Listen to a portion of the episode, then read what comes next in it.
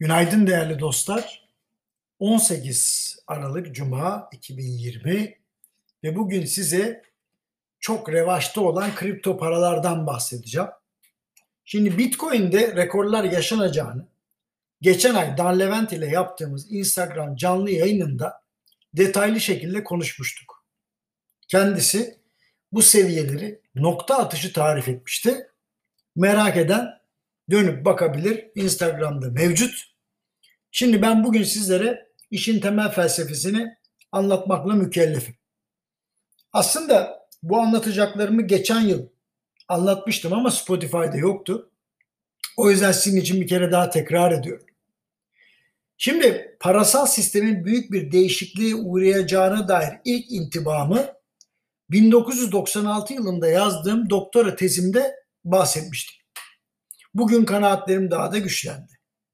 Televizyonda sorulan soruları ve verdiğim cevapları analiz edersek kanaatimin sebebi daha net ortaya çıkacak. Dünyanın her yerinde hükümetler merkez bankalarına yüklenmeye başladı. Bunun sebebi nedir? Benim de dikkatimi çekiyor bu durum ve bunun bir açıklaması var. Ama bu açıklamayı merkez bankalarının kuruluş felsefesi ve temel görevlerine bakarak bulabiliriz. Nedir bunlar? Şimdi kamu kurumları ve hükümete karşı banka görevi var. Bankaların bankası ve düzenleyici kuruluş görevi var. Para arzını kontrol etme görevi var. Döviz kurunun istikrarı görevi var. Fiyat istikrarı görevi var.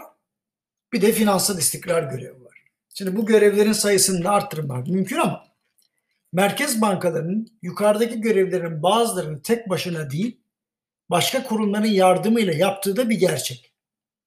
Ayrıca başka kurum ve piyasa enstrümanlarının da Merkez Bankası'nın görevlerine benzer görevleri yapabilme kabiliyetinden de haberdarız. Yani finansal istikrarı tek başına değil, düzenleyici otoriteler yardımıyla sağladığı gibi elindeki enstrümanlarla da fiyat istikrarını tek başına sağlamasının mümkün olmadığı görülüyor. 21. yüzyıla geldiğimizde merkez bankalarının hükümete ve kamuya borç verme işinin kanunlarla bertaraf edildiği de bilinen bir gerçek. Yani hazinenin Merkez Bankası'ndan kısa vadeli avans kullanma hakkı çok uzun zaman önce kalktı. Ha tabii Türkiye'de maalesef Merkez Bankası'nı 1990'ları aratmayacak şekilde hazinenin kullandığını da gördük. Ama yine de normal şartlar olarak bakıyoruz. Artık devlet finansmanı merkez bankalarından değil, vergiler, iç borçlanma ve plan proje kredileri yoluyla sağlıyor. Sıkıştığı zaman da IMF var.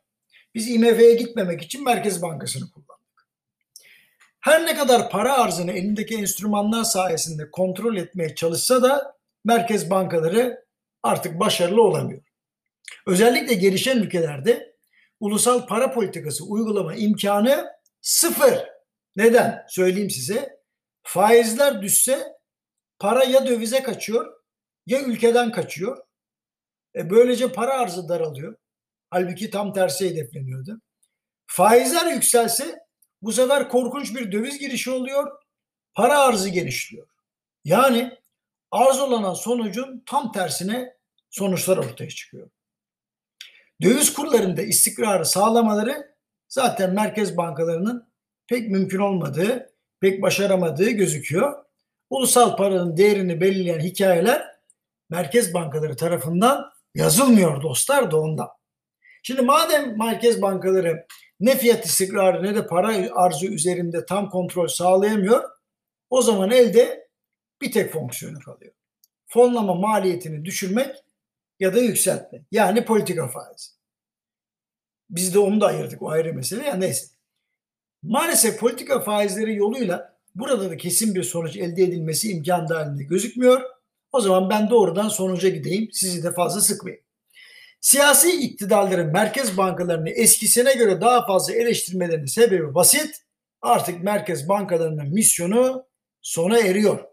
Buna en ciddi kanıt da kripto paraların ortaya çıkışı kamu bankalarının para otoritelerinin görevlerini gayet rahatlıkla icra edebilmeleri, özel bankaların artık merkez bankalarının sadece fonlama maliyeti açısından değerli buldukları, Paranın merkez bankaları değil, bankalar ve finans kuruluşları tarafından faiz çarpanıyla üretilmesi gerçeği aklı başında insanları harekete geçirmiş gözüküyor. Madem para artık karşılığı olmadan üretiyor, üretiliyor, herkes o zaman kendi parasını üretebilir. Yeter ki itibarlı olsun ve parayla aynı fonksiyonlara sahip olsun demişler. Bu kadar basit. Bitcoin ve diğer kripto paraların üretilme felsefesinin ardında bu gerçek var.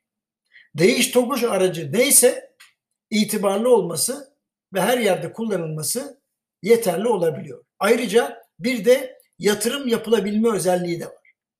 Tüm bu gelişmeler siyasetin düzenleyici otoritelerden daha uzun ömürlü oldukları gerçeğini bize hatırlatıyor. Kapitalist sistemin en önemli unsuru olan bankalar, merkez bankalarından önce de vardı. Dolayısıyla hem hakimlik hem de otorite görevi icra eden merkez bankalarının görevlerinin önemli bir kısmını yapamadığı durumda siyaset kurumunun doğrudan hedefi haline gelebiliyor.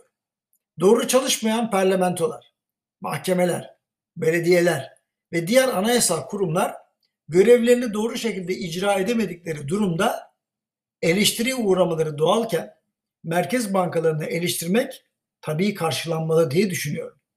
Ancak yukarıda bahsettiğim gerçekler sadece merkez bankalarını değil, bu zamana kadar devam etmiş olan para sistemlerinin de bitireceği, eğer şans, şanslılarsa hızla değiştirebileceklerini veya yeni duruma zorla da olsa adapte olabileceklerini şimdiden görebiliyorum. Yani şanslılarsa değişecekler ee, ve adapte olacaklar. Başka çareleri yok.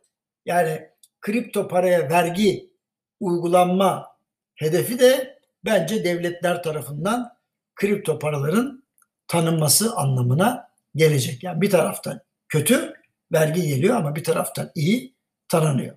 Şimdi sonuç olarak bankalar ve finans kuruluşlarının da bu değişimi önceden görüp gerekli önlemleri alması konusunda bir karar vermeleri gerektiğinin de altını çizmek istiyorum. Bu bir yönetişim meselesi. Yani doğru işin ne olduğuna bankaların üst yönetimleri artık karar vermeli.